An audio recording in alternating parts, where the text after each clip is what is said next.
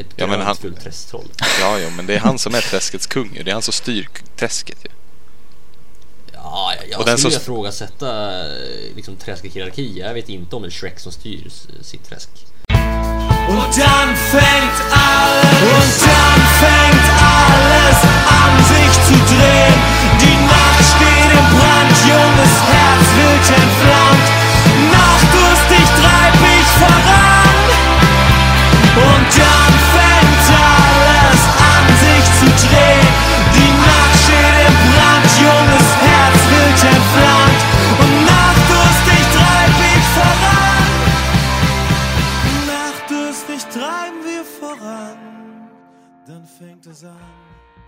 Hjärtligt välkomna till ännu ett fullspäckat avsnitt av Dreierkette Podcast. Podcasten som flanerar runt i den tyska fotbollsvärlden som en hjort på en östgötsk slätt. Jag är er värd Axel Falk eh, och med mig idag har jag ännu en gång mina icke-marxistiska kamrater Erik och Erik. Appelqvist, välkommen återigen. Tackar, tackar. Och Bodén, hjärtligt välkommen ånyo. Tack så mycket. Eh, Idag har vi ett avsnitt där vi ämnar täcka en sak och en sak endast, det vill säga det institutionella kaoset i den tyska internationella fotbollen. Ehm, och med det menar jag såklart landslaget främst ehm, och det kaos som vi verkar befinna oss i. Men jag tänkte såklart börja med ett litet svep, liksom för att kortare sammanfatta die ganze Scheisse. Schnell, schnell, Kartoffelkopf! Löw aus, det verkar sannerligen så. På Johan Cruyff Arena i Amsterdam sa det pang.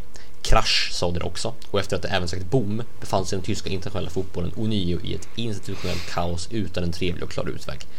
Detta kommer göra ont och det kommer svida en lång tid. Låt mig alltså förtydliga. Tyskland, det vill säga världsmästare från 2014, ett av världens största fotbollsländer, förlorade faktiskt med 0-3 mot ett lag som startade Ryan fucking Babel 2018. Lägg ner allt. Nu är det alltså ödesmatch på gång mot Frankrike.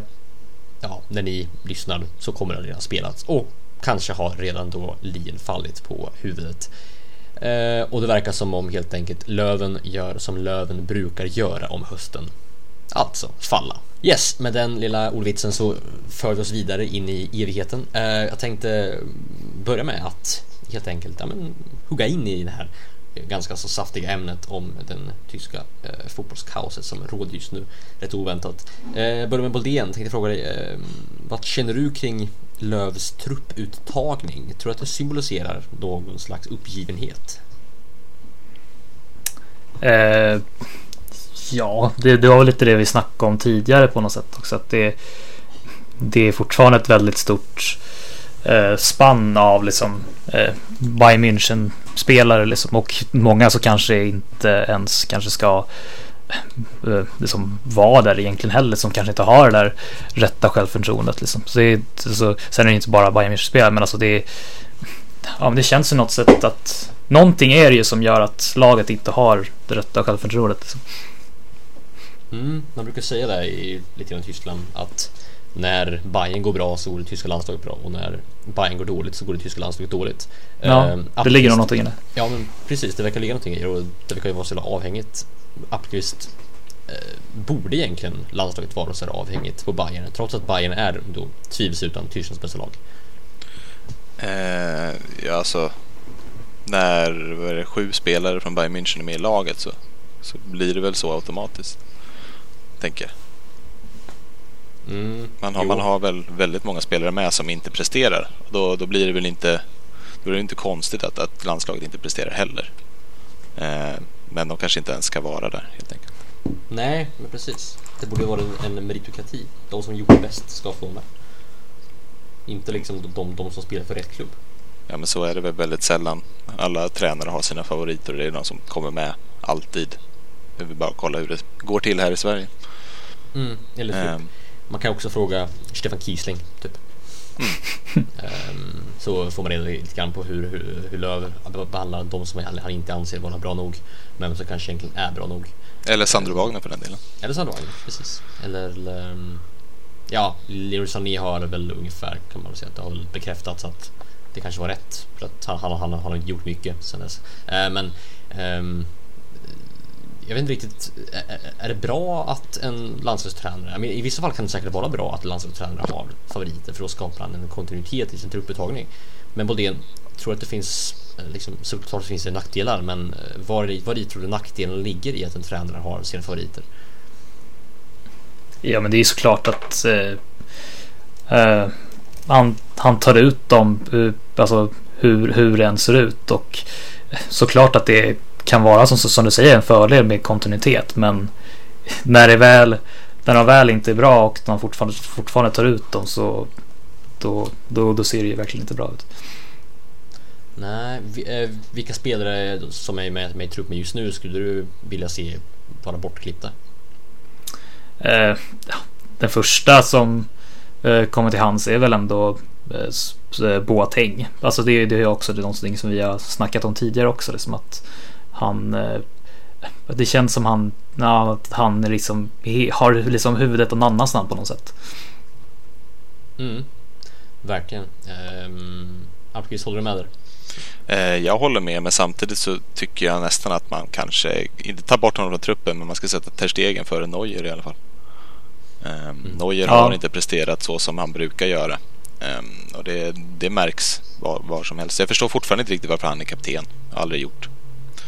Nej, det har du faktiskt helt rätt i. Också att ha, en målvakt som kapten tycker jag är lite märkligt också. Om det inte är Oliver Kahn, men Oliver Kahn kunde ju Ja. piska på folk. Ja, Han precis. kunde ju få dem att göra grejer. Neuer är ju inte den personen. Nej, Mm, Oliver Kahn skulle nog kunna passa bra som statsminister. Eller typ, ja, i Tyskland president. Eller ja, inte president, vet, kansler. Ja, det skulle hända, hända grejer i alla fall. Ja, det skulle hända. Rikskansler höll jag på att säga. Vet du vem Tysklands förra rikskansler var? Var inte det Bismarck? Nej, det var AH. Ja, okej. Ja, det, det ser ännu värre ut alltså. Ja, det ser ändå väl ut. Så att, eh, men eh, jag tror att skulle, skulle de eh, liksom återta den rollen i den tyska politiken för att få någonting gjort. Som slags, eh, eh, som slags Kim Jong-Il, en slags evig diktator så skulle jag mycket väl kunna tänka mig Oliver Kahn. Jag skulle till och med backa Oliver Kahn som evig diktator i Tyskland. För då skulle de få ordning på det där landet igen. Jag skulle vara rädda för honom i alla fall. Varenda Mm. kotte. Verkligen, man skulle inte bränna ner riksdagshuset då. Alltså. Det skulle man inte göra. Det blir piskrapp. Um, fullt av släpning bakom en häst. Nåväl. Um, Appelqvist, finns det någon annan spelare förutom då Neuer och Boateng? Typ Hummels eventuellt? Jag vet att du har haft en del problem med Mats Hummels agerande inom, med, med den här situationen. Ja, alltså Hummus tycker väl, han är väl för bra egentligen för att inte vara med. Men han har ju inte, precis som Boateng, inte haft huvudet där den här säsongen. Ehm, han klagar på sociala medier nu och kall, blir sur för att journalister behandlade dem som amatörer. Ehm, samtidigt som, som han spelar som en amatör och inte presterar. Så visst, han kanske inte ska vara där, men samtidigt så, så är det en spelare som ska ha och bör ha kaptensbindeln egentligen. Ehm, Mm. Jag tror att han tillför mer, lite som Podolski och eh, Schweinsteiger, att han tillför saker bakom ridåerna så att säga. Ehm, så även om man inte då ska spela så, så tror jag att eh, det är en spelare som är viktig att ha med. Ja, så länge han inte går ut och skapar rubriker eh, angående andra saker liksom. Jo, precis. Ehm, för det, det var just det, jag tyckte det var lite komiskt hur han säger att, att han inte gillar hur media behandlar honom som de, de som amatörer men ändå så behandlar ju spelarna media som, alltså, som om de vore amatörer så att det blir Alltså varför kan de inte bara hålla käften och spela fotboll istället? Um, ehm, och fokusera på det istället för att gå ut och gråta ut i media liksom. Det, det, det blir så jävla fjantigt. Um, jag tänkte att vi skulle komma tillbaka till lite mer sen. Eh, en annan spelare som jag kan tycka har haft en eh, riktigt undermålig säsong överhuvudtaget. Nu kan du, ska man inte liksom droppa honom för han, han är så pass otroligt viktig. Men som jag inte sett någon ifrågasätta överhuvudtaget det är ju Toni Kroos. Bodén, eh, vad känner du kring hans insatser den senaste tiden? Han har ju ändå haft en rätt svag tid i Real Madrid nu i början och inte presterat alls i landslaget hittills. Uh, ja, precis. Alltså, jag, jag har ju tyvärr inte sett så jättemycket av de senaste matcherna och sånt där. Men alltså. Ja, det, av det jag sett liksom, så ja, det, det, har- det, han är också en, verkar ju också någon som inte riktigt är sitt, ja, men sitt tidigare riktiga jag liksom. Och eh, eh, ja, så att eh, kanske, kanske att man ska se kanske om det finns några eh, alterna, alltså alternativ att alltså, testa istället liksom. Ja, alternativen finns ju, men nu, nu Mm. har ju spelare, de, de har ju varit skadade. Vi har ju Goretzka och vi har ju Gündogan, men båda var ju tvungna att säga nej inför den här samlingen. Ja, ja precis. Det är Ehm. lite det som är problemet också. Liksom. Precis, men det är väl de två som egentligen borde gå in till nästa samling om de är friska tycker jag. Rakt Ja. in i startelvan, båda två. Mm. Mm, jo, egentligen. Eh, för de har ju tydliga problem med att skapa chanser, Tyskland. Um, Ja, fast det har de ju inte. Ja, de, det är väl, alltså, de skapar ju otroligt många chanser och många skott, men det händer ju ingenting. Alltså det, det blir ju ingenting av dem. De har ingen skärpa för fem öre. Nej, När de kommer liksom till, utanför straffområdet, sen är det, ja, igen är det inte så Ja. mycket. Mm, men det är ju just det här med att de har ju, de har ju liksom klippt bort den, den, den, den spelare i världen som är bäst på att hitta passningarna från utanför straffområdet in i straffområdet. Uh, vilket jag tycker är lite ironiskt de... Ja, Ja men för jag menar alltså jo jo. Och, de och den, senaste 12 åren är ju med stöd länder som har haft överlägset flest alltså skapade målchanser Mm. från utanför straffområdet. Det, är ju, det, det, talar sitt klara språk att, att, att man saknar honom någonstans. För Jo. att man har ju inte gjort mål på det, tre matcher. nej precis, men och där är också så här. Det är synd att Royce var skadad, annars hade han ju varit den spelaren som skapar de lägena. Eh, För Mm. han är väl den som är närmast där, men han är ju inte heller Mm. med. Och även Julian Brandt kan tänka mig en sån. Kai Precis. Havertz hade ju kunnat ta en sån roll om inte han också liksom sagt nej. Så Mm. att, eh, visst är det så, men man har ju ändå klippt bort, ja men, ja men nästan skrämt bort kan man väl säga, eh, en spelare som hade varit självklar och som, ja men som absolut hade kunnat bidra med den där som star status som de nästan kan behöva i fall nu. För att, Behöver de mer star status? Det är Ja, det som inte anfallet behövs. väl. Alltså, men okej, alltså, okej, så de har Thomas Müller som inte har varit bra på typ fem år. Uh, egentligen. Ja, sen, sen, sen 2014 har Han var Thomas bra förra säsongen va? Ja, men inte så bra som Thomas Müller brukar vara. Han var, inte så, han var inte så bra som han var när, när han gjorde 25 mål och Lewandowski gjorde 30. Det var ju, Nej. men det var ju tre år sedan. Det var 2015. Ja, okej. 16, Så, men 2016? 15-16 var det. Var det 15-16? Var det så sent? Jag har för mig att 15-16 var Müllers hemska säsong. Nej, det var 16-17 han var så dålig. Ja. dålig. Precis. Det var ju efter EM som var helt värdelös. Så var det, just det. Inför 2016 VM så var han ju i sin bästa form i karriären liksom. Så var det. Just Och sen dess har han inte riktigt... Han kom väl typ... Han vann väl inte assistligan förra säsongen dock? Nej, det var ju Filip Max som gjorde det, var det inte det? Mm, det var jämnt i alla fall, jag kan kolla. Jag för att Filip Max vann typ 13, inte sjukt. Men, Ja, eller så... Var det? För att vara Bundesliga 17-18 va? Mm, precis. Men alltså, låt mig revidera alltså. Thomas Müller fortfarande inte den Thomas Müller som vi, vi brukar vara vana vid att se. Var- Varken framför mål eller, eller i sitt, sitt, liksom, sitt spel med bollen. Ehm, Nej, precis. Spelare Müller gjorde som- 14 assist förra säsongen. Vann han vann. assistligan. Och så kom Kimmich och Philip Max med 13. Och sen kom James Rodriguez med 11. Så där, det är assistligan. Just det. Men det är också en spelare som man kan tycka borde ha klippts bort. För att ja, men, han, han har ju varit klappkass hittills den här säsongen. Mm. Ehm, fullkomligt klappkass faktiskt vara ärlig. Och det har väl, alltså om man ser det på att allt är relativt så har Lewandowski också varit rätt kass den här säsongen. Men Müller har ju varit ännu sämre.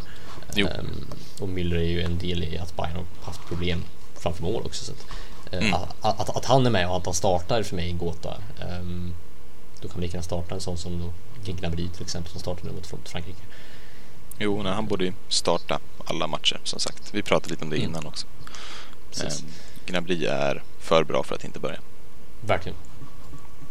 Eh, om ni inte har någonting mer att säga om trupputtagning så tänkte jag att jag skulle gå vidare till nästa punkt angående det tyska landslaget. Bra. Jo, eh, då tänkte då jag ta upp någonting som jag är generellt sett väldigt irriterad över eh, och det är då den här kommersialiseringen av landslaget som jag pratade om innan eh, i den här podcasten. Eh, som jag tror jag har rantat om och jag kan mycket väl göra en till rant om det är så att ni vill det. Men, ehm, kommersialiseringen, alltså det jag menar då är, är att landslaget eh, marknadsför sig själv till typ Indien, till USA, till Afrika, till andra länder i Europa. Samtidigt som, som de i Tyskland varenda dag tappar folk och tappar intresse och tappar mot alltså Tyska landslaget håller på att bli en, en, ett exempel på allt som är fel med den, med den internationella fotbollen. Um, uh, så att jag skulle kunna säga så här att Tror ni att det ligger något i att kommersialiseringen utanför planen påverkar eh, det som händer på planen? Boldén, tror att det finns något som ligger någonting i det? Att kommersialiseringen utanför planen, det vill säga de här reklamkampanjerna, att de ska pumpas upp, det här liksom Die och allt det där, att det kan påverka det som händer på planen, att det, det, det på planen blir mindre viktigt. Ja, men absolut har nog, då, har nog, det har nog en, en del i det tror jag absolut. Eh, för att liksom det känns som du säger att det kanske inte har varit så jättemycket fokus på just resultaten och fotbollen som ju alltså resultat, alltså resultat kan ju liksom marknadsföra mycket bättre än att hålla på som på det sättet de gör liksom. Mm, precis. Eh, om vi ser det så. Och det, det där har de inte riktigt förstått. De tänker att de måste hålla på skaffa sig liksom följare i, i, i Delhi eller någonting och det känns ju... Ja, visst, precis. Visst, visst, men, men hallå, det är, det är inte indiernas landslag ni har. Det är, det är inte amerikanernas landslag, det är tyskarnas landslag ni har. Ett landslag ska inte behöva marknadsföras själv. Det, det ska bara finnas där. Det ska, bara, det ska vara en självklarhet. Det, ett landslag ska folket kunna ta för givet egentligen. Att det ska finnas där och att folket ska kunna när, när det är landslagsuppehåll ska folket kunna se fram emot att se sitt land spela med vetskapen att det här landet spelar för oss. Det spelar inte för, för, för John borta i, i Kansas som spelar inte för eh, Rajiv i Delhi. Alltså, förstår du vad jag menar? De spelar, spelar Mm. för, för Frank i Hessen. Eller de spelar för... Förstår du vad jag menar? Alltså, De den- spelar den inte där- för Dreikete Podcast i Sweden. Det gör de inte heller. Det ska de inte göra heller. Nej, Nej, precis. Och de spelar inte för, för, alltså för eh, Axel i Linköping eller Erik i Täby eller Erik i Uppsala. De, de spelar för, för ehm, För eh, Erich ja, i, ja, men precis. i Düsseldorf. Eh, I Düsseldorf eller Dresden eller alla andra stora städer i Tyskland. Eller, alltså, menar? Eller småstäder. Eller småstäder, eller små byar, eller, eller ute i bygden, eller um, det är det som de verkar, inte verkar fatta. Att det är det som är det viktiga. Och jag tror att det ligger alltså en, ett lite djupare nivå kring vad problemet faktiskt handlar om. Är just den där kommersialiseringen och den här eh, skeva idén att de måste ha eh, som Twitterföljare. Ett landslag behöver inte ha Twitterföljare. Landslag behöver inte ha Instagram-följare. Vad fan, vad fan är det bra för? Ett land- landslag behöver ha stöd hemifrån. De, de behöver ha en, en koppling till sitt eget folk. Och det har det tyska landslaget inte ett dugg av. För att, alltså, jag bodde där i somras. Jag, jag, jag, jag märkte på folk, alltså jag pratade med folk. De brydde sig inte längre. De tyckte att nej, liksom den där skiten beblandar vi oss eh, i, alltså, i, i, i för att och de tycker att klubblagsfotbollen är viktigare än landslagsfotbollen nu. För att klubblagsfotbollen är fortfarande genuin. Landslagsfotbollen har blivit en slags ett mediejippo liksom. Um, och jag tänkte komma tillbaka till just Mats Hummels som jag tycker är och Jeroen Boateng som två spelare jag tycker är extremt bra exempel på eh, när liksom, reklam och marknadsföring tar eh, liksom för stort utrymme i fotbollen och blir till en för stor grej. För att det har vi, liksom, vi har ju Matt Hummels som har ett Twitterkonto där han, han är så här super, superskön liksom. Eh, och sen så misslyckas han med att prestera på fotbollsplanen. Och visst, han ska kunna ha fritid och han ska kunna vara, men han är fortfarande en, en professionell fotbollsspelare. Det är hans yrke. Om han, om han inte kan klara av det, då måste han liksom Förstår ni vad jag menar lite grann? Alltså, Mm. då måste han lägga fokus på det, på det som han faktiskt gör. Vilket Mm, precis. fotboll. Boateng åker liksom till New York varenda vecka, vad jag förstått, och liksom hänger med Jay-Z och, och, och jag menar, det, det, det är också såna grejer som, men varför gör du det här för? Och alltså, du, du är fotbollsspelare. Spela fotboll. Det finns ju inget annat yrke, i alla fall inte ett normalt yrke, vilket fotboll, fotbollsspelare inte är, men där man skulle kunna liksom göra någonting på fritiden som hämmar ens yrke. Då skulle man, ju få sparken. I alla fall 9 från 10. Alltså, det där som jag gör mig, det är mig ganska irriterad faktiskt hur, hur det verkar vara sån här bara negligens kring eh, kring alltså någon lyx i att vara fotbollsspelare. Att om jag är fotbollsspelare så jag behöver inte bry mig. Eh, Jo, det, är- det, är- det är ett yrke. Det är ditt yrke. Och det ska du fan göra så bra du bara kan. För att ditt yrke spelar så mycket roll för så många människor. En fotbollsmatch kan, kan, liksom, kan förändra folks öden. Um, nåväl. Um, kortare rant för, för mig. Men Appqvist, jag tänkte då skicka en fråga till dig också. Eh, kommersialisering i fotbollen, eller kommersialisering i tyska fotbollen. Um, nu har du nått landslaget som vi har beskrivit. Um, hur mycket tror du att den bär skuld för den, eh, den, den misslyckande som vi ser just nu? mycket men inte så mycket som du påstår. Så. Det känns Okej. som att eh, det är inte där som det stora problemet ligger i. Visst att en spelare som Boateng inte ska vara med, fine, men det har vi redan liksom etablerat. Eh, det finns en anledning till att Ulle Hönes vill bli av med honom. Eh, han fokuserar inte på fotbollen överhuvudtaget. Hummels gör det ändå någonstans. Det är bara sociala medier där han sätter stort fokus. Ehm, det, det Boateng gör är ju bortom fotboll. Liksom sådär. Ehm, men, men när det kommer till kommersiellt, alltså det är inte bra. Absolut inte. Jag, jag, vill att de ska fokusera på sig själva, sitt landslag eh, och inte fokusera på att marknadsföra sig utåt. Fine. Ehm, men jag tror att det sitter större problem i, i, i väggarna just nu där, där det är självförtroende och det är slut på idéer, det är alltihopa liksom. Ehm, jag tror att det är en större skurk än själva marknadsföringen även fast den inte är bra. Sådär. Det kan jag verkligen gå med på. Du pratar om motivation.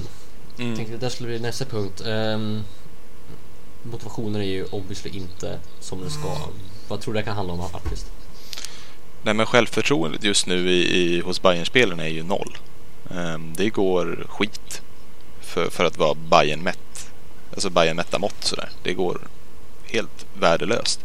Um, och att då liksom komma till landslaget och fortsätta underprestera, då, då mår man ju inte bra. Liksom. Um, det vet alla att om, man, om det går sämre under en längre tid så, så mår man dåligt.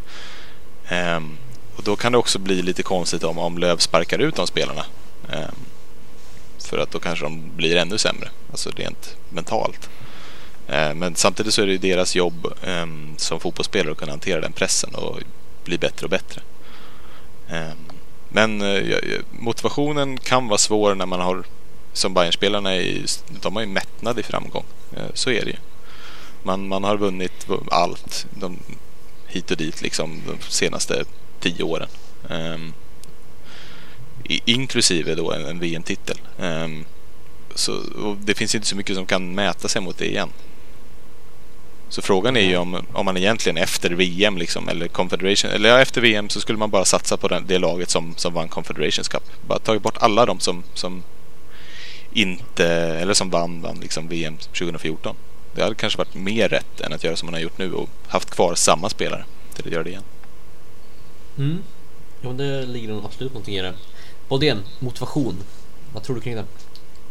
Ja, det är, det är nog en väldigt stor del i det hela tror jag. Eh, jag tror också liksom att motivationen har väl också liksom blivit på något sätt en liksom summan av allt det här eskalerande som har hänt liksom under hela det- alltså under det här året liksom. Och framförallt när allting började liksom eh, runt VM där med lite med liksom var någon, alltså just, det, nu var ju Sané inte en jättestor grej eftersom det var som Brandt gjorde mycket bättre. Men det vart ju li, lite där att eh, det någonsin började Alltså, ja, men folk började ifrågasätta liksom lite hans uttagning och sen så hela episoden med Özil och sen såklart de otroligt dåliga resultaten i VM och sen så har de dåliga resultaten fortsatt efter VM också. Så allting har liksom bara eskalerat och det ser liksom man ser inte riktigt var, när det ska stoppa liksom på något sätt.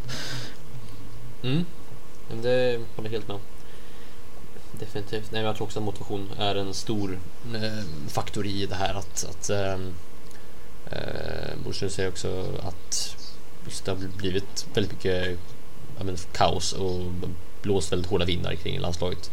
Eh, men också som Appelgren säger att, att ja, men, de är kanske mätta. Alltså att vin, vinna ett VM-guld Mm. det, är, det är det största man kan göra i fotbollsvärlden. Det finns inget större. Ehm, och har man gjort det, men då fine. Det, liksom, grattis, men ehm, som, ja, men då kanske det är bättre att bara köra på det lag som vann Conference Cup som ändå är hungrigt, som, som vill Mm. någonting, som vill framåt, som, som inte bara nöjer sig med att ha vunnit ett VM-guld och kan sätta det på CVt. Mm. Ja, Det bästa exemplet där är väl Per Mertesacker. Eh, Men han Ja. gick ju ut direkt efter och sa att jag har ingen motivation till någonting längre. Jag har gjort mitt nu. Mm. Ehm, Mm. Och sen dess har ju han knappt spelat fotboll tills nu då. När han slutade. Nej, just det. Nej, han, han har ju alltid varit en väldigt, väldigt rakryggad människa, Per Mertesacker. Eh, han har ju en väldigt lång rygg också, så det blir ju verkligen rak. Men det är bra att den är rak då. Ja, Annars men är det jobbigt att gå. Jag tror det verkligen. Eh, Problemet är bara när han ska i- inom dörrar. Lite, lite jobbigt kanske. Mm. Ja, jo, men eh, Vad tror ni kommer hända nu? Tror ni att lövet kommer falla? Helt enkelt. Kan jag börja med Appelqvist? Tror att löv kommer falla? Som på hösten? Eh, alltså, jag hoppas att han gör det. Det, det låter kanske... Han har gjort så mycket för det här landslaget, men, men han kan inte göra mer. Eh, han har försökt och det, det går inte mer. Eh, sen att han satt kvar efter VM för att förbundet ansåg att han skulle få en chans till säger väl kanske någonting och jag tror att han kanske kommer vara kvar om man vinner mot Frankrike ikväll. Så vi får väl se imorgon helt enkelt. Um, om man förlorar så är, måste det vara kört. Jag kan inte tänka mig att uh, han är kvar efter det. Nej. Boldén? Kommer Löv falla? Det tror jag. Och eh, jag har väldigt svårt att se att liksom, han ska kunna, kunna få det här på, alltså få det här till, bet till det bättre. Liksom. Det är, jag har väldigt svårt att se han sitta kvar och jag tror hur den nu kommer gå ikväll så ja, det som du säger, lövet måste nog falla tror jag. Mm. Som på hösten. Um, låt oss då ponera att Löv faller, att uh, Löv avgår eller får kicken på något sätt. Um, Bodén, vem skulle du helst se som nästa uh, förbundskapten i Tyskland? Ja, vi, vi pratade lite om det innan och det, det, det kommer ju upp en hel del namn men Typhoon när... känns ju som det varmaste, hetaste. ja, precis. Att det hade ju varit kul om det hade hänt. Alltså, det, hade ju, det, hade, det hade hänt något och sen om det hade varit bra eller dåligt, det får man ju se. Men, ja. men eh, det första som kommer upp på något sätt, det är väl... Det är väl ändå... ja, men det första som kom upp för mig var väl typ egentligen Hasselhüttel. Alltså, och sen så om det, det så passar bra eller inte, men alltså det, det är ändå någonting liksom ändå. Det är väl det bästa vi... lediga tyska namnet så att säga. Ja, jag skulle nog också säga det faktiskt. På tränarposten. Kommer ju väldigt olägligt för Leverkusen i så fall. Uh, är väl den, den som skulle kunna ersätta Herrlich ganska enkelt. Mm. Mm. Jo, det är det ju. Känns ju väldigt så här liksom. Jaha, så nu har ni um, Nu har ni liksom väntat och med att sparka Herrlich och sen så precis när det kanske är dags så plockar Tyskland upp Hasselhüttel. Det känns ju väldigt så här. Mm. Um, Väldigt kul egentligen. Men Haslüttel är väl österrikare, jag tror Ja, det är han. Men uh, det är sant. Men han är en tysk prat eller språkig tränare i alla fall. Uh, och jag tror att det är väldigt viktigt för, för tyska landslaget att ha en sådan. Så mm. då skulle Stöger kunna fungera också, men han är ju... Ja, det, det, blir ett defensivt präglat lag då. Eller det blir det ja, oavsett jo, tränare där. Men måste byta, um, byta ideologi lite grann om Stöger tar över. Ja, om Hassenritter tar över också. Han är är ju väldigt omställnings... Eh, han bedriver ju omställningsfotboll. Eh, defensivt stark och sen går det fort framåt. Och det passar väl Tyskland ganska bra. Så jag skulle väl hålla med Boldén om att Hassen ytterligare är kanske bästa alternativet. Mm. Vet ni vem jag skulle vilja se? Korkut. Norbert Mayer. Då snackar vi def defensiv fotboll. Jäklar. Det här är en kille som eh, som på en halv säsong släppt in 13 mål med Arminia Bielefeld. Det är, eh, vi snackar liksom defensiv prägel på alltet. Det är till och med så att till och med alltså eh, presskonferenser skulle bli väldigt defensiva. Han skulle sätta sig och låta journalister bara kasta frågor mot och han skulle bara knocka bort dem som en, som en vägg ungefär. Eh, det skulle, skulle bara sitta där och inte svara. Ja men precis, bara liksom, nej, nej, nej. Mm, mm, mm ingen kommentar på allting liksom. Det då blir det my style. På, jag, jag tänker inte ens det, han skulle bara sitta och vara tyst liksom. Sitta och vara tyst helt enkelt. Ja, ja. precis. Som en, inte, in, inte ens ett nej, ingen, ingen kommentar, bara. Han känns ju som en sån som inte skulle kunna sitta, som skulle, skulle kunna sitta bara och inte säga någonting alls. Uh, han, han, han, har ni tänkt på att Norbert Mayer ser ut som en anka för övrigt? jag tänker inte så mycket på Norbert Mayer, tror det eller ej. jag, jag, gör faktiskt det ganska mycket, tyvärr ska jag säga. Eh, jag vet inte hur det kommer sig, men jag tänker Norbert Mayer dyker upp i mitt, mitt huvud i alla fall en, en gång om dagen. Um, antingen hans, hans ansikte eller hans, hans underbara bedrifter. men han ser ut som en anka. Um, och det ju mer man kollar på honom ju, ju mer tänker man på det och då tänker man så här, jaha. Eh, vad spelar det för roll? Nej, inte alls egentligen. Men det, det är en kul iakttagelse um, att han känns som en anka. För att ankor är ju väldigt, väldigt coola djur. Men man är ju ingen cool människa. Um, så det är lite kontraster. Uh, Felix Magath vore kul, men det lär inte hända. Um, andra som så vore väldigt kul är ju typ såhär, men Korkut vore ju rolig att se. Um, just for a banter liksom. Eh, Dieter Hecking hade ju varit en, en rolig grej också såklart. Eh, Bruno Labbadia såklart. Känner spontant hade varit oerhört roligt att se. Eh, men om man ska kolla bort från det där och gå in på lite seriösa alternativ så ja, men det är väl Ralf Hasenhüttl egentligen som skulle kunna vara det enda rimliga alternativet just nu. Av lediga tränare, det vore kul. Men eh, han, han, han lär inte han göra liksom. Filip Lahm vore kul, men det lär inte heller hända. Ehm, Nej, både han och Samme verkar ju förstå att Bayern och, och tyska landslaget ska man hålla sig borta från, i alla fall på styrelsesidan. Eh, verkligen. Det verkar de ha gemensamt i alla fall. Ja, men det, är ju, det känns ju rätt så vist ändå, man tycka. Ehm, Samtidigt så skulle jag vilja ha båda dem i både landslaget och, och Bayern München. För de, Mm. de behövs någonstans. Men eh, de är smarta nog att undvika det där tills uh, Ulli och Kalle släpper lite tyglarna. Ulli och Kalle, ja. Tills Rainer Grindel släpper sina eh, Ja, förgiftande tyg, tyglar i Tysklandslaget. Um, mm, vet du vem vem som skulle vara den så här mest ultimata, vad säger jag, gör det ehm, versionen av en uh, tysk tränare? Alltså där typ, typ Tysklands version av Sam Allardyce typ. Det är ju Lothar Matthäus. Inte för att eh, man kan jämställa Sam Allardyce spelarkarriär, vilket jag får vara med om längre, obefintlig med Lothar Matthäus, men mer att de är väldigt, väldigt lika personligheter. Ehm, alltså både frispråkiga, verkar ha tydliga favoriter i landslagen och verkar vara väldigt inriktade på sådana spelare som är helt meningslösa. Alltså, eh, jag menar, eh, Lothar Matthäus skulle ju ha kunnat, om han, om, han- om han hade varit tränare när Klinsmann var tränare, så hade ju typ en sån spelare som typ Christoph Metzelder varit en direkt liksom start, startspelare för Tyskland. Ehm, eh, men eh, det, det skulle jag inte vilja se. Jag, jag skulle, till skillnad från vad ni kanske tycker så skulle jag väldigt gärna vilja se eh, Mikael Ballack i landslaget. Men det vet jag att ni inte kanske håller med om. Ehm, men det tycker jag skulle vara en kul, kul grej att se. Jag tror han har ganska många bra idéer. Ja, jag kan inte se vad han kan tillföra till det här landslaget. Eh, han är uppblåst, pratar bara om sig själv, är på tok för arrogant för den där posten och vet antagligen inte vad han ska göra. Även fast han säger att han vet vad han ska göra. Hmm. Ja, typ väldigt många eh, förbundskaptener och managers överhuvudtaget egentligen. Men eh, jag, jag, kan, jag, jag, kan se det, jag kan verkligen förstå vad du menar. Eh, kanske vore ett dumt val till tränarposten egentligen. Men det vore ändå kul att se vad som skulle hända. För att det känns som att de, då skulle få någonting annat än en näspetande ehm, eh, punkrockare liksom, som Jogg Löw verkar vara. Inte punkkriare Eh, då? Ja, jo. Jag, jag valde att ta det mest barnvänliga Appelqvist. Det, det är faktiskt barn som lyssnar på den podcasten. Ja, du har svurit redan. Så det, Ja. det, det är lugnt. Ja, det har jag gjort. Ah, fan. Gjorde det? Ja, jag gjorde det. Precis. Fan. Nåväl. Du gjorde det igen. Ursäkta alla barn. Ehm, så är det.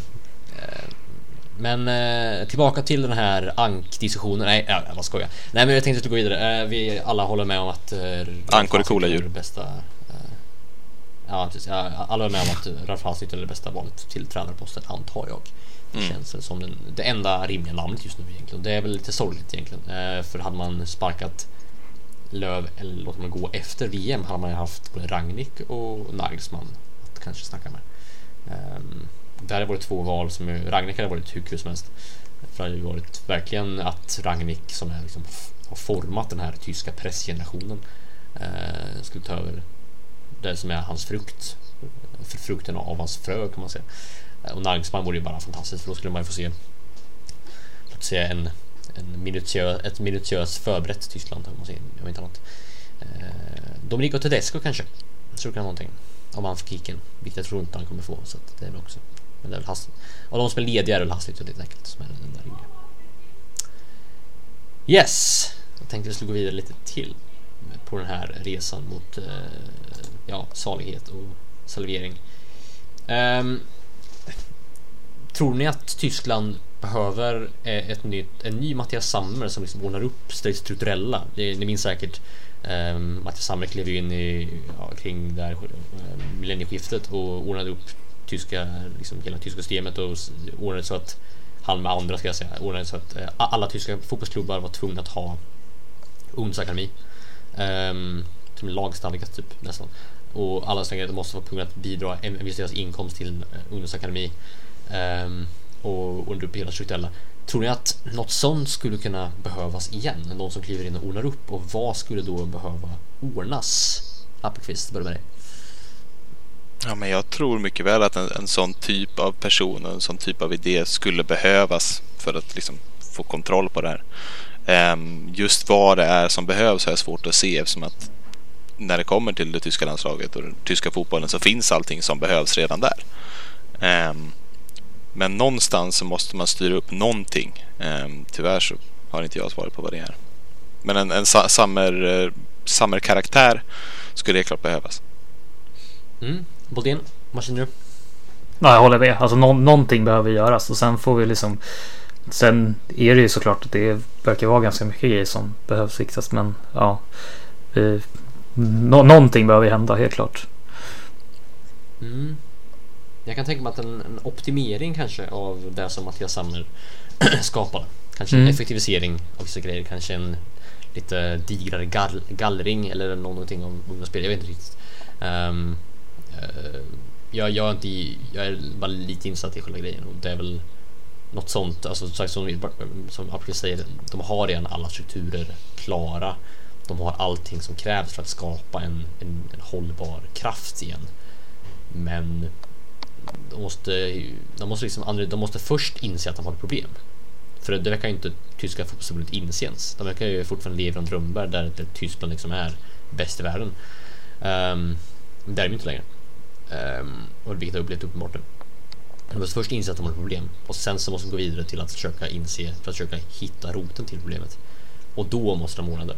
Och då tror jag också att en Mattias Sammer typ skulle kunna vara nyckeln till, till framgång där. Eh, sen vet jag inte vem det skulle vara eller vad de skulle behöva göra men jag kan tänka mig att en optimering av eh, just eh, det som Sammer eh, satt igång skulle kunna vara rätt väg att gå. Nice! Känner ni er klara med landslaget eller är det någonting mer som ni känner att vi vill prata kring? Nej, jag tror att vi är ganska klara. Ja, jag tror det. Bra, bra, bra. Jag tänkte vi skulle gå vidare till ett eh, lite nytt segment här faktiskt. Eh, som Bolén föreslog, eh, vilket vi alla håller med om. är Vet idé. Ni känner säkert igen det från andra podcaster, det vet jag inte. Men ehm, eh, kan väl, eh, eller ja, Bolén kan ju lika gärna få presentera segmentet om, om man inte har någonting emot det. Ja, absolut. Ja, det var väl en grej som eh, Ja, jag tycker, jag tycker är en väldigt rolig idé som, eh, som du säger som Bundesliga-podden hade en, en grej med förut och eh, det är väl helt enkelt ett eh, Ja, ett Vem där segment där, där du och jag tänkte komma med lite ledtrådar och så ska ni gissa vem, vem det är helt enkelt bakom de här ledtrådarna. Och vi kallar ju såklart segmentet Wer ist es? Vem är det? Eller vem det är? Ehm, Precis. ehm, så vi kör igång helt enkelt. Yes, eh, så det kommer väl uppbyggt så att det kommer vara ja, tre ledtrådar och sen så blir det eh, börja med den svåra, sen så blir det eh, något lättare helt enkelt. Så att, spåret-aktigt liksom. ja, men precis. Ja. Sen så har väl de väldigt många ledtrådar, men vi kör på tre så får vi se Ni hur vet det går. att ni eh, spelar in podcast med en, en kille som, som plockade Ulan Bator, det vill säga Mongoliets hus upp på tian på På spåret. Så att var rädd nu Appelqvist. Var riktigt, riktigt rädd. Jag är livrädd. Eh, ska vi köra att ni tävlar mot varandra eller ska vi? Det kan vi göra. Ja, Visst. Och sen så kan vi ha en öppen diskussion kring vem jag tror att det är om jag inte fortfarande inte har koll på ja precis. Det är bra. Ja, men då kör vi då. Off gates. Yes. Eh, I personens hemstad, nära den franska gränsen, finns även här en vacker Sankt Peterskyrka. Men troligtvis är det nog inte kyrkan som är ortens stora stolthet.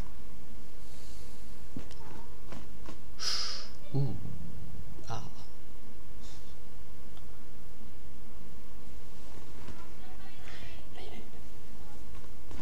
Oh, vänta, okej. Okej. ehm. Franska gränsen, Sankt Peterskyrka. Trier. Det fan är Trier?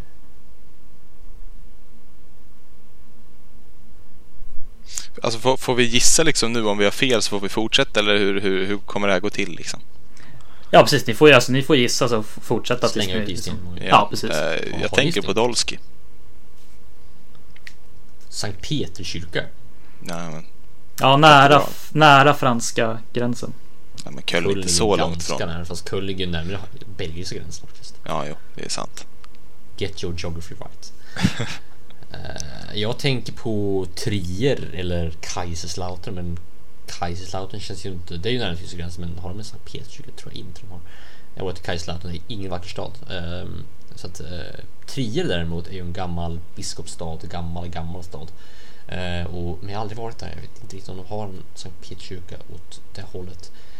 Um, på det, en, får jag bara ställa en kort, kort, kort fråga. Men när du säger Yes. Sankt Peterskyrka, menar du en, en, en kyrka som heter eh, Sankt Peter eller menar du en kopia liknande den kyrkan som finns i Rom? Eh, att den heter Sankt Peterskyrka. Okej, det är inte Sankt Peterskyrka. Okej, Yes. bra. bra. Vi får se, kan det vara oh, ah, Karlsruhe? Nej, Karlsruhe. Eller Oliver Kahn? Nej. Jag tänkte den tanken gjorde jag. Eh, ska vi köra nästa ledtråd? Jag tror nästan det. Ja, då kör vi. Kate McAllister föredrar nog att tilltala personen i fråga för hans efternamn. Admiral Akbar däremot använder sig nog ut, utan tvekan av efternamnet. Så det är Kevin Trapp alltså. Jajamensan. Då är det Kaiserslautern ju. är inte det? Nej, Mersig. Va? Ja, Fan. han är från Mersig tydligen och det fanns en Sankt Peterskyrka där. Det var väldigt ockult ska jag säga, men bra, bra jobbat där. Eh, Ja. Riktigt, riktigt bra ledtrådar. Eh, Vad är, vad är den lättaste ledtråden? Det vill man väl också höra. Eh, är han med i Sound, Sound of Music eller är han en fälla? Hur som helst så är han en väldigt bra målvakt. Ja, det är bra grejer det. Det här var roligt. Riktigt bra, faktiskt. riktigt bra. Fan, jag var, nära med Kaiserslautern där. Jag tänkte ju Karlsruhe. Ja, Först, tänkte, men sen tänkte man, jag- Man, man rör sig där omkring liksom. I Jo. Ren, Ja. Rendalen lite grann där. Men sen tänkte jag stadens skatt och då Podolski är väl ändå Kölns skatt tänkte jag. Ehm, Mm. Och Köln ligger ju inte allt för långt bort. Så jag gled därifrån liksom. Men sen fick vi ta oss tillbaka. Bra Mm. jobbat Boldén. Tack. Mycket bra jobbat. Bravissimo. Kevin Ska vinnaren, typ, ska vinnaren välja typ så här låt vi sluta med eller något sånt? Eller? Det kan vi göra. Varsågod. Eh, det kan vi göra. Eh, men det kan vi väl eh, se sen. Eller ska jag komma på det nu? Så Appelqvist, vilken låt kör vi? Vi fortsätter på lätta spåret helt enkelt och kör deras eh, Make Love Work. Härligt indie-rock. Underbart. Eh, tror inte att vi är färdiga än dock. Ehm, vi ska prata om nästa omgång i Bundesliga. Som är ganska intressant. Eh, för att eh, Appelqvist, visst finns det en viss risk att ditt kära Bayern kan förlora mot Labadia. Det gör ju det, skrämmande nog. Eh, Bayern ställs ju på hemmaplan tror jag mot, eller på bortaplan, jag ska dubbelkolla här. Ställs, eh, Borde vara bortaplan va? det borde vara bortaplan, ja i och med att det var hemma förra. Eh, man ställs på bortaplan mot Bruno Labadias Wolfsburg och eh, ja, det, man måste vinna den här matchen. Det, det bara är så. Nu ligger man trots allt fyra poäng före så man har ju en bättre säsong så här långt. Ehm, jag hoppas att någonstans att man, man, man slår ett Bruno Labbadia-lag för det är fy skam för dem som förlorar mot ett Bruno Labbadia-lag. Punkt. Mm. Jag känner att eh, hela Bayerns situation just nu är lite, lite, lite Kobayashi Maru. Alltså det är, det är en slags lose-lose situation. Alltså man, man kan inte riktigt vinna för att slår man Wolfsburg, ja men de har fortfarande haft en riktigt, riktigt, riktigt kass säsong hittills och vinner Wolfsburg och Labadia, men okej, vad gör det? Och förlorar man den matchen, ja, då är det tack och hej. Um, hur, alltså, hur tror du att man kan göra en, en, en, en Captain Kirk och något som att vinna den här situationen som ändå är en, en väldigt knepig liksom, sits som Bayern satt sig i? Faktiskt. Vinna. Det, är- det är bara vinna liksom. Men, Det finns men ingenting annat. Tror du Eh, att, att, att, att en enkel vinst skulle kunna liksom göra det här till en slags en vinnande helg för Bayern? För, Ja, att en vinst skulle kunna få, få tillbaka på banan. Ja, helst skulle det vara en, en övertygande vinst, en 5-0, 6-0 seger liksom. Ehm, Mm. Det skulle vara det absolut bästa. Men, men jag tror att så länge man tar tre poäng och får känna hur det känns att vinna igen, tror jag gör otroligt mycket. Ehm, det kan också bero på hur det går för Bayern-spelarna och laget idag i Frankrike-matchen. Um, vid inspelande stund så leder faktiskt Tyskland med 1-0. Ehm, så jag tror att en vinst här mycket väl kan göra så att eh, att eh, man, man kommer med lite självförtroende in mot Wolfsburg och att man kan fortsätta därifrån helt enkelt. Bodén, tankar kring den här matchen?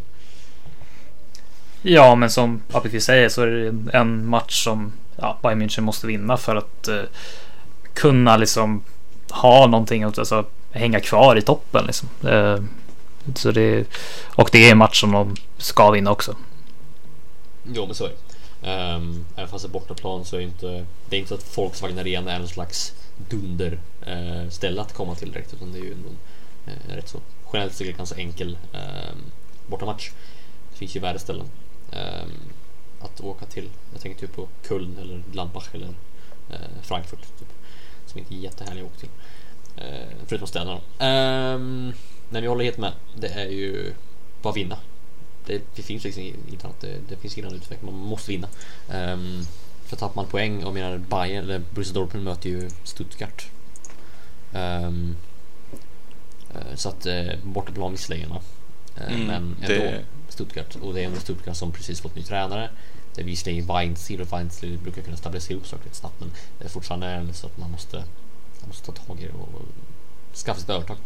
För att uh, annars så kanske det blir ännu fler poäng som Dortmund vinner med och Favre har ju visat att han, han kan det där ehm, och att han är väldigt duktig. Eh, så att, eh, ja men vinst, helt enkelt vinst. Det är enda som gäller. Och gärna en väldigt övertygande vinst också. Precis. Eh, vad tror ni om matchen som skulle kunna kallas Tutto Baluttos mardröm, det vill säga Mönchengladbach mot, mot Mainz? Eh, Bodén, vad känner du kring den här matchen? Det är ändå två lag som har, låt säga Gladbach har ju gjort jättebra hittills, men Mainz har ju varit rätt så likgiltiga. Vad tror du? Ja, men det kan ju absolut bli en, alltså, en spännande fight. Eh, vilka har hemmaplan? Gladbach. Gladbach. Ja, men jag skulle nog ändå på förhand sätta såklart eh, Gladbach som favorit. Jag tycker de har sett eh, väldigt bra ut. Mm, på hemmaplan är de också väldigt bra generellt sett. Mm. De har ju en tendens att kunna ibland och ha problem på bortaplan men sen på hemmaplan så kommer de köra överlag. Um, de har ju några spelare som är i toppform, typ Alexander Plia och även um, Neuhaus och även Hazard har ju varit hur bra som Och Stindel. Och Stindel är tillbaka mm, från skada.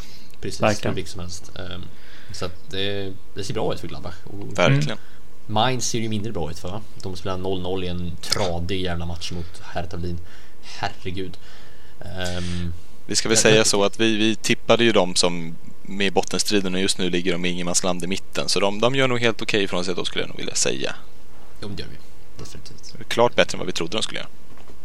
Mainz ja, men absolut. Mm. Um, mycket bättre än jag hopp, hoppats på också. För den delen. Um, men uh, de har ju haft tydliga problem med målskyttet, Mainz. Uh, och defensiven har, de ju, har ju suttit ordentligt, vilket är fascinerande med tanke på vem Sandro Schwarz är. Uh, eller vem man inte är kanske mer. Men offensiven har ju varit haltande, minst sagt. Och de har ju jo. tappat några offensiva spelare också. Quaison är skadad och sådär också. Så. Precis. Eh, men de har ju ändå plockat in vet han, eh, Matti Tava som, som gjort rätt bra ifrån sig ändå. Mm. Men att tappa en spelare som Quaison som ändå varit ja, förande i deras anfallsspel är ju såklart inte, inte, inte kul. Då måste man liksom hänga upp sin offensiva kvalitet på en sån som Anthony Uja och då, då går det som det går. Och Maxim. Och Maxim. Precis, Fast det... Maxim är ju en fin spelare. Sen får han kanske inte helt ut sin rätt. Han, han, han, han känns som en Bundesliga-ikon mer och mer. Som att han, han, han kommer ja, alltid finnas jo. där. Och alltid vara typ 24 år gammal. Han är typ 28 nu. Tror jag. Är han inte äldre? Det känns som att han är 30 eller så. över 30. Ja, och... Han har varit med hur länge som helst. Så det... Ja, jag vet. Men jag får mig att, jag vet inte. Jag bara känslan av att han alltid kommer vara 24 för mig. Varför 24 vet jag inte heller. Alexandro Maxim. Han är 28, ehm, det var bra jobbat här. Det är det. Just det. Ehm, och sen har de ju generellt sett bara mycket, mycket problem med Minds. Mm. Ehm, sen då tänkte vi ska gå vidare till eh, det som man kan kalla för en ödesmatch i Leverkusen. Boldén ta oss genom denna kamp och vad den kan betyda för ditt svära Leverkusen. Ja oh, herregud, alltså om Bayern Münchens match eh, är är ödesmatch så är den här, ja alltså jag vet inte vad jag ska säga. Alltså det är hemmamatch mot eh, Hannover och eh, blir inte annat än vinst här så tror jag av det jag hört och av det liksom hela den här pressen som ligger på Herlic så kommer han nog åka. Tror jag, om inte det blir vinst. Det måste bli tre poäng. Det, är, alltså det finns inget annat. Och just nu kanske det handlar om ehm, vilka sparkar sig tränare först? Tyskland eller Leverkusen? Mm. Svår hasnyttel. Ja, det kan man kunna ha något bett på, men uh, ja. Nej, men jag håller helt med. Det är ju det är ju en um, riktigt tuff match på så sätt att ni verkligen måste vinna här för annars Mm. är det ju bara tack och adjö till Herrlich. Ja. Ehm, inte jobbig match på så sätt vad laget i möte för att Hannover är ett lag som ni ska slå 9 Ja. gånger 10, kanske 10 Mm. gånger 10. Men ehm, det är knepigt. Alltså, um, Appqvist, vad tror du kring den här matchen? Ja, alltså det, det, det kan, alltså jag, jag tror att, alltså Leverkusen måste verkligen vinna det som, som vi har sagt och sådär. Ehm, och jag tror att, att man har möjligheten att göra det. Ehm, det är ett litet träsk där i botten, eller hela ligan är ju träsk just nu ska vi säga. Men eh, När är det inte det? precis, um, ja, det brukar bli lite, lite olika skikt, men de skikten brukar vara träsk så att säga. Ja. Men det här är ju ett skikt.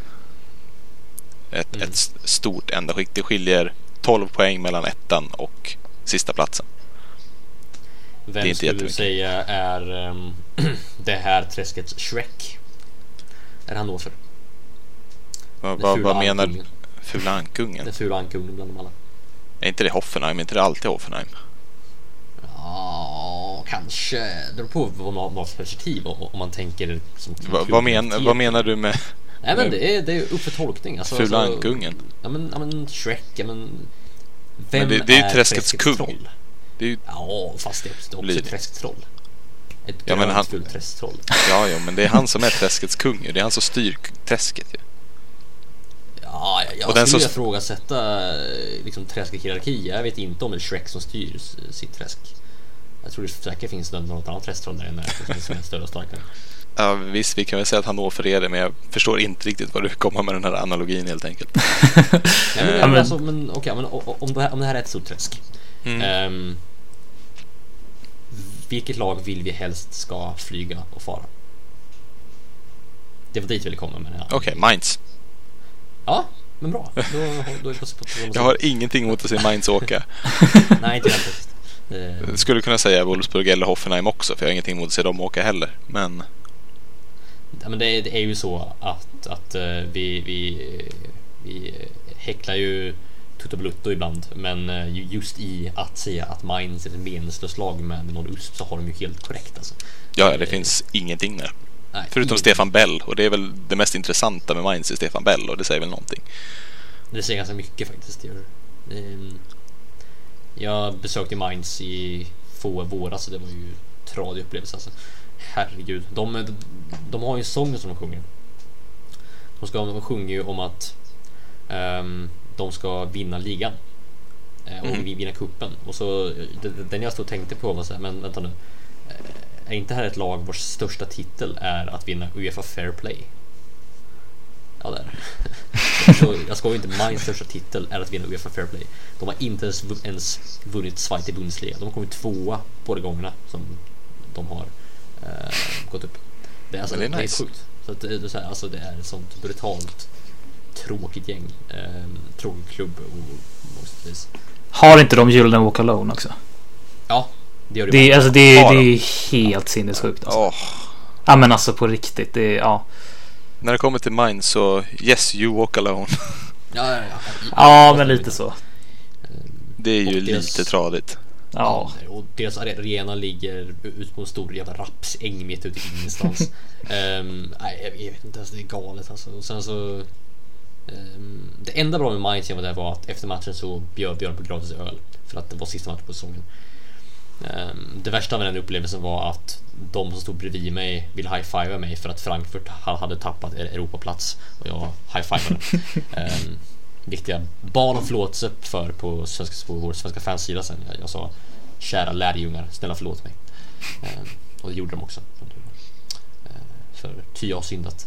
Men Main- Mainz är det är en klubb som jag helt enkelt bara... Det, Mainz är träskets troll. Det är träskets Shrek. Det är den fula ankungen bland ganska fula ankungen ändå. Eh, den überfula ankungen kan man kalla den. Nåväl. Eh, men då eh, ropar vi oss helt enkelt ut ifrån och ehm, Ja, och outro den här veckan då blir inte um, av Auletta. För att, ja, ni kan ju bara slå upp Spotify och lyssna på den om ni vill. Så nu så kör vi en annan, låt, eh, också av Auletta, som Appelqvist presenterade förut, det vill säga Make Love Work eh, från samma album var med, med, med, med vetligen. Så eh, vi säger väl helt enkelt ciao! Tjus! Auf Wiedersehen.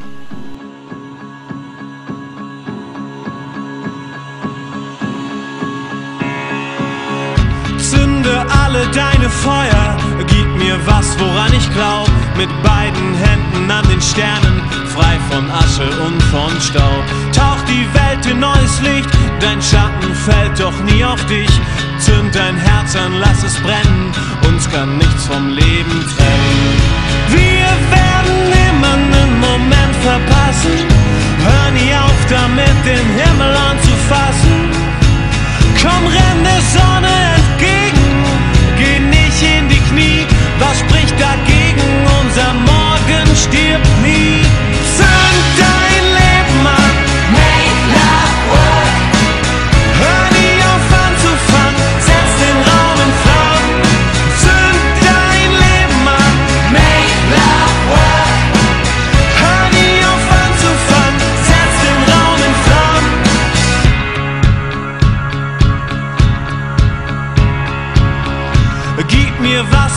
wofür ich lebe, für das ich Brücken schlagen kann. Zeit, die Uhren auf Null zu drehen, mach die Morgensonne an. Du hast dein Ticket schon gebucht, du weißt, die Welt ist nicht genug. Zünd dein Feuer an, wir gehen, bis wir uns hinterm Regen sehen. Wir werden immer einen Moment verpassen, hör nie auf damit, den Himmel anzufassen.